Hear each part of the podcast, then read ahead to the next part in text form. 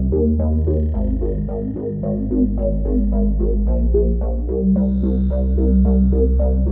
you.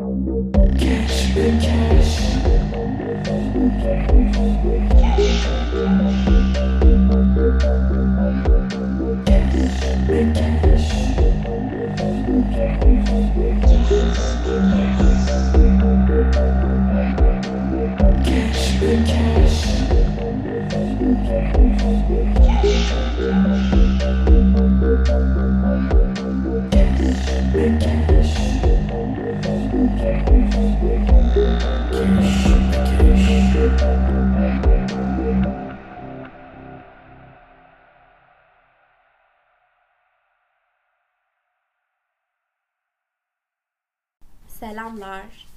Keşmekeş'in 5. bölümündesiniz ve ben yine Daire 147'den size sesleniyorum. Bu bölümde duygularımızla ilgili konuşmak istiyorum. Duygulardan bahsedilmeli mi yoksa duygularımızı içimizde mi yaşamamız gerekiyor diye kafama bir soru geldi. İnanın ben de çoğu zaman ne yapacağımı bilmiyorum. Belki de bilmekten korkuyorum. Son zamanlarda fark ettiğim şey benim paylaşmaktan korktuğum oldu. Duygularımı aslında bakarsanız bir nevi hep çizerek ve yazarak göz önünde yaşıyorum. Ama canlı bir şekilde anlatmaktan hep kaçtım. Mesela seni özledim diyemeyip seni rüyamda gördüm dedim. Partide birini seni benzettim dedim. Ve buna benzer şeyler. Duygularını eğer belli etmediysen ne yaptın? Hep oynadın mı diye soracak olursanız hmm, hayır oynamadım ama galiba hep kendimi korudum. Yani koruduğumu sandım. Duygularımı eğer daha gizli yaşarsam daha güvende olurum diye düşündüm. Zaten kartları açık oynamak hep tehlikeli değil midir? Yani karşı taraf neyi ne zaman kullanacağını biliyor.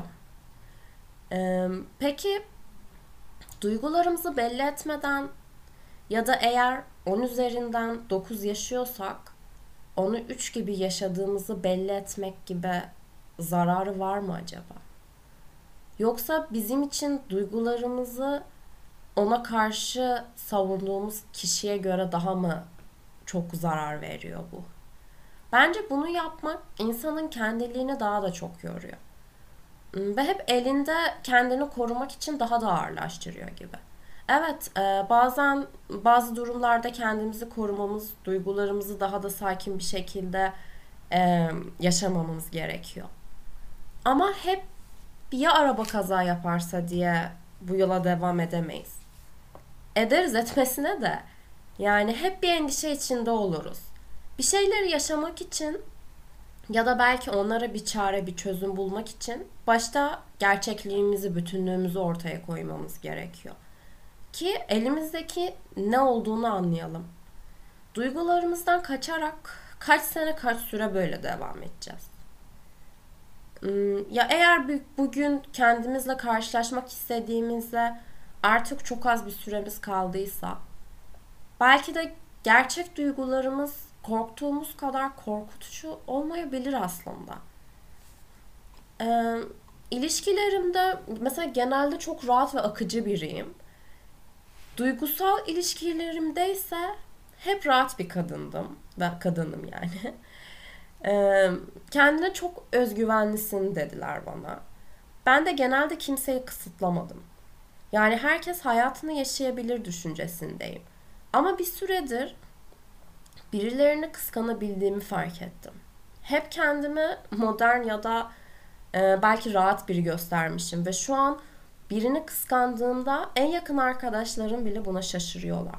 Yani demek istediğim ben aslında yerine göre kıskanç biriyim.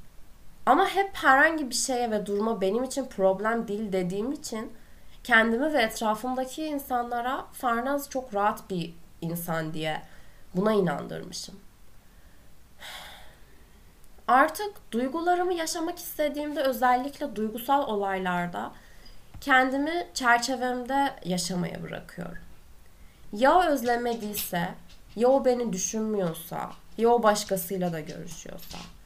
Karşı tarafın çerçevesi artık beni ilgilendirmiyor açıkçası. Hmm, çünkü o kendi çerçevesinden ben de kendim kimden sorumluyum. Çünkü herkes kendi çerçevesine astığı resme ne orayı asıyorsa aslında ona bakıyor. Eğer ben bu çerçevemde sevgi, saygı, eğlence doldurduysam aynı şeyi görürüm. Ama eğer karşı tarafı üzmektense resimde de gözyaşlarını görürüm. Aslında duygular ve enerji bir kuantum gibi yani. Duyguları özel kılan veya anlamdıran şey aslında karşı taraf. Herhangi bir duygu aslında ham bir malzeme gibi. Yani nasıl anlatsam? Mesela bunu neye dönüştüreceğine karar veren biz değiliz karşı taraf. Örnek verelim mesela. Ben eski sevgililerimden birini özle, özledim diyelim. Özleyince bu kötü ya da iyi bir şey değil. Hiçbir duygunun iyi ya da kötü olmadığı gibi. Bu duyguya ne cevap vereceği karşı tarafa bağlı. O da özlediyse iyi bir duyguya dönüşebiliyorken hayır ben özlemedim deyince de eğer özlememek kötüyse kötü bir duyguya çevirebilir. Demek istediğim hissettiğimiz hiçbir duygu için biz sorumlu değiliz. Bize dönüş tarzı sadece bize farkı hissettirebiliyor. Mesela eğer e, erkek arkadaşınız, kız arkadaşınız, partneriniz onun özel alanına girmeden kıskanıyorsanız bunu belli etmek size bir şey kaybettirmez. Yani kaybettirmemeli. Çünkü bu ham duyguyu karşı tarafın nasıl tepki koyduğuna bağlı. Eğer bak e, partnerim beni seviyor ya da önem veriyor ki beni paylaşmak veya buna benzer rahatsız ediyorsa böyle de düşünebilir. Ya da sen beni kısıtlıyorsun da diye düşünebilir. Aslında duygulara karşılık vermek tarzımızda bizim yaşadıklarımızla da ilgili. Yani bilinçaltımız aslında diyebiliriz. Eğer geçmişte mesela kıskançlıkla ilgili kötü bir şeyler yaşadıysanız doğal haliyle rahatsız olabilirsiniz. Kafasında tabii ki buna güzel bir yere oturtmayabilir partneriniz. Ama unutmamalıyız ki yaşadığımız ilişki aynı ilişki değil ve o kişi de o kişi değil. Yani her ilişki aslında bir araba yolculuğu gibi. Yani biz bile aynı değiliz. Belki şoförün yanında hadi diyelim biz oturuyoruz, biz aynı kişiyiz. Ama arabayı kullanan kişi yani ilişki yaşadığımız insan farklı biri. Geçmişte belki bu araç evet duvara çarpmış olabilir. Ve siz her fren sesinden yine çarpmaktan korkuyor olabilirsiniz. Hatta belki çarptığınızı bile düşünebilirsiniz ama sadece suyun üstünde sallandığınızı bilmeniz gerekiyor. Yani hiçbir şekilde boğulmuyorsunuz.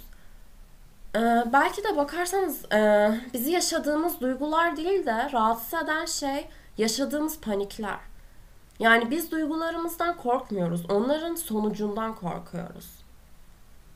Ki duygu da yine her zaman söylediğim gibi bir sonuç olmamalı, bir süreç. Ama duygu alışverişi doğru bir şey mi? Bir de bunu düşünmek lazım. Eğer siz birine bir hediye alıyorsanız o da size alsın diye mi alıyorsunuz? Ya da eğer bir sanatçıyı destekliyorsanız sanatçıdan da aynı şekilde bir destek mi beklentiniz var? Yani siz sadece sanatçının sanatını desteklediğiniz için ona sevgi duyuyorsunuz. Hmm, peki eğer insanlarda aynı şeyi ararsak ne olur? Yani onlardaki sanatı aramaya çalışırsak. Tabii ki herkesin yani bir sanatı vardır. Onda sevebileceğiniz bir sanatı var. Ama tabii ki eğer sanatçı size kötü bir tepki verirse ya da sizi küçümserse artık sanatını desteklememek tabii ki de sizin hakkınız. Bazen burada konuşurken kendi kendime şey diye düşünüyorum. Eğer zamanında hayatımdaki insanlarla da şu an böyle konuşsaydım ne olurdu? Herhangi birini kastediyorum. Sadece ım, duygusal ilişkilerden bahsetmiyorum. Aslında ben hep konuşma taraftarıyım. Yani konuşmaktan ziyade çoğu zaman dinlemeyi başta tercih ederim. Ama maalesef yani en azından benim hayatımda böyle oldu tanıdığım insanlar. Çoğusu konuşmaktan kaçtı. Tabii birleşmek için hep iki taraf oynuyoruz ama yolları ayırmak isteyince tek kişi bunu yapmak için yeterli oluyor. İş yerinizde bile öyle. İş başvurmak istediğinizde patron buna karar veriyor ve siz tabii ki başta karar veriyorsunuz iş başvurusu yaptığınızda ama kovulduğunuzda sadece patron karar veriyor. Yani demek istediğim sözüm sadece duygusal ilişkilere değil, insan ilişkilerinde. Aslında çoğu şeyin mantığı ya da mantıktan ayrı olan duygularımızın çözümü empati. Ee, geçen bölümde de konuştuğumuz gibi affetmek için de, sevmek için de, birbirimizi anlayarak yaşayabilmemiz için de, yaşamı paylaşabilmemiz için empati kurmamız hariç başka bir yolumuz yok galiba. Evet, e, hep karşı taraftan bahsettim. Bir de kendimize bakmamız gereken zamanlar da var. Belki de en başta bundan bahsetmem gerekiyordu. Eğer her seferinde paylaştığımız duygular bize iyi bir sonuca getirmiyorsa belki de her e, dokunduğunuz yeriniz ve acı hissettiren o parmağınızda problem var. Yani şöyle demek istiyorum. Kiarostami'nin Kirazın Tadı diye bir filmi var. Eğer izlemediyseniz izlemenizi tavsiye ederim. Orada bu örneği veriyor. Bir parmağınızın vücudunuzun neresine dokundursanız ağrıyor diye düşünün. Kafanıza dokunduruyorsunuz, kafanız ağrıyor. Burnunuza dokunduruyorsunuz, burnunuz ağrıyor. Karnınıza dokunduruyorsunuz, karnınız acıyor. Demek istediğim problem burada ana karakter. Yani kendimiz. Ya biz yanlış yaklaşıyorsak ve her seferinde aynı yanlış adreslerden yanlış kapılara gidiyorsak belki de artık düşünceyi değiştirmek lazım ki o parmak her dokunduğu yere acıyı hissetmesin. Hmm, bir şeylerle yüzleşmek için başta aslında onları ortaya koymak, sonra da gözlerinin içine bakarak ben artık senden korkmuyorum dememiz lazım ve seninle yüzleşmeye hazırım. Eğer duygularınızdan korkuyorsanız ya da duygularınızı bireylerle paylaşmaktan çekiniyorsanız bunu aşabilmek için başta duygularınızı ortaya koymanız lazım. Ki oyuna başlayabilelim. Eğer bir korkuyu e, yenmek istiyorsak ona yaklaşmamız lazım. En yakınına gitmemiz lazım ki onun gerçekliğini görelim. Duygularımızı bütün çıplaklığıyla paylaşın demiyorum tabii ki de. Ama ne hissettiğinizi en azından yani kimseye de söylemeseniz başta kendinize net söylemeniz lazım. Ki onunla nasıl baş edebileceğinizi anlayın. Genelde hepimiz e, ben artık oyun oynamak istemiyorum ilişkilerimde diyoruz. Ben matematik olsun istemiyorum. Ama bunun e, olabilmesi için başta o sayıları unutmamız lazım. Rakamları unutmamız lazım. Ben 3 verdim, sen 5 verdin. Bunlarla olmuyor. Yani ben verebildiğimi verdim ya da pardon e, vermek istediğimi verdim dememiz lazım. Yani demek istediğim vermek gerektiği için verilmemesi gerekiyor. E, hiçbir duygu veya enerjinin. Çünkü mecburiyet için içine girince e, iş takas olmaya dönüşüyor ve hep karşılık beklentisine giriyoruz. Ve eğer beklediğimizi almıyorsak bir dahakine korkuya tekrardan yakalanıyoruz. Evet, bu bölüm biraz uzun oldu. Toparlamam gerekiyorsa eğer beyazsanız beyaz, siyahsanız siyah. Kimse sizi gri olmak için zorlamaması gerekiyor ve siz de bu baskının altında kalmamanız gerekiyor. Evet belki bir dengeye ulaşırsanız eğer gri olursanız ama siz siyah ya da beyaz olduğunuz için sizsiniz. Eğer de gri kalmayı becerebiliyorsanız ne mutlu size diyelim. Evet bir bölümün daha sonuna geldik.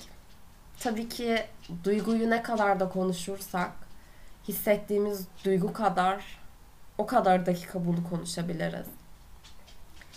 Ama bu bölüm için bu kadar olsun. Bir de eklemek istediğim böyle bir şey var ki şöyle düşünüyordum. Arkadaşlarım da işte hani onlar da mı konuk olsun diye düşünüyorken aklıma şey geldi. Eğer beni dinliyorsanız ve sizin de kafanızda bir takım keşmekeşler varsa, canınızı sıkan bir şeyler varsa lütfen bana DM üzerinden yazabilirsiniz ya da yorumlarda yazabilirsiniz. Benle iletişime geçin ve konuşmak istediğiniz konuyu birlikte konuşalım. Ee, Bugün benim için gerçekten çok zor bir gündü ve çok duygusal bir gündü. Köpeğim Bello'yu bugün tasması açıldı ve onu kaybettim. 20 dakikaya yakın arkasından koştum ve o kadar korktum ki o an. Ve duygunun ne kadar kuvvetli ve aynı anda ne kadar korkutucu olduğunu hissettim. Ve ilk defa o kadar sevdiğim için korktum ve bir şeyleri kaybetmenin ne kadar korkutucu olduğunu tekrardan hatırladım. Ve o an ya bir daha görmezsem diye düşünüyordum. Keşke ona bugün bir daha sarılsaydım diye düşünüyordum. Ve bunların hepsi aynı anda, aynı saniyede kafamda oluyordu.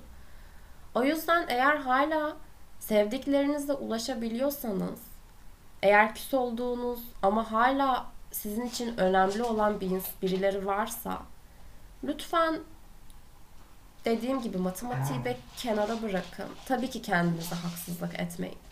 Ama eğer hala iletişime geçmek gibi bir şansınız varsa geç olmadan iletişime geçin. Köpeğin sesini şu an duyuyorsunuz. Birazcık heyecanla ve bugün biraz fazla ağladığım için sesim böyle kusura bakmayın. Normalde bu kaydı bir daha yapacaktım. Çünkü arada sesi geliyor. Ama hatıra olsun diye böyle bırakacağım. Sizleri seviyorum. Kendinize dikkat edin. Sevmekten, sevilmekten de korkmayın. Görüşmek üzere.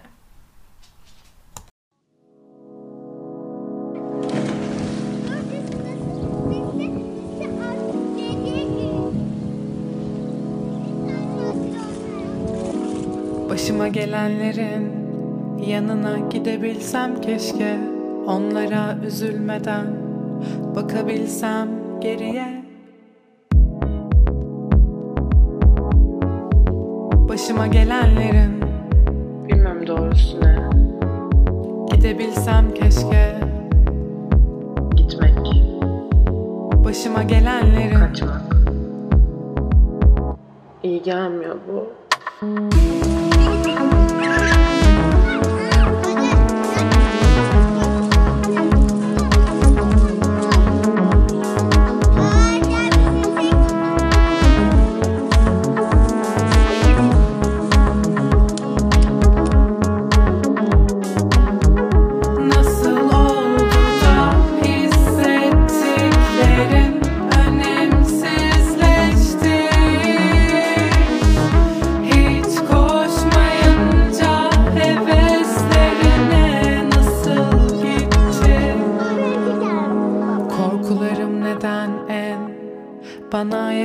Yakındalar Dokunamıyorum ama bak işte oradalar.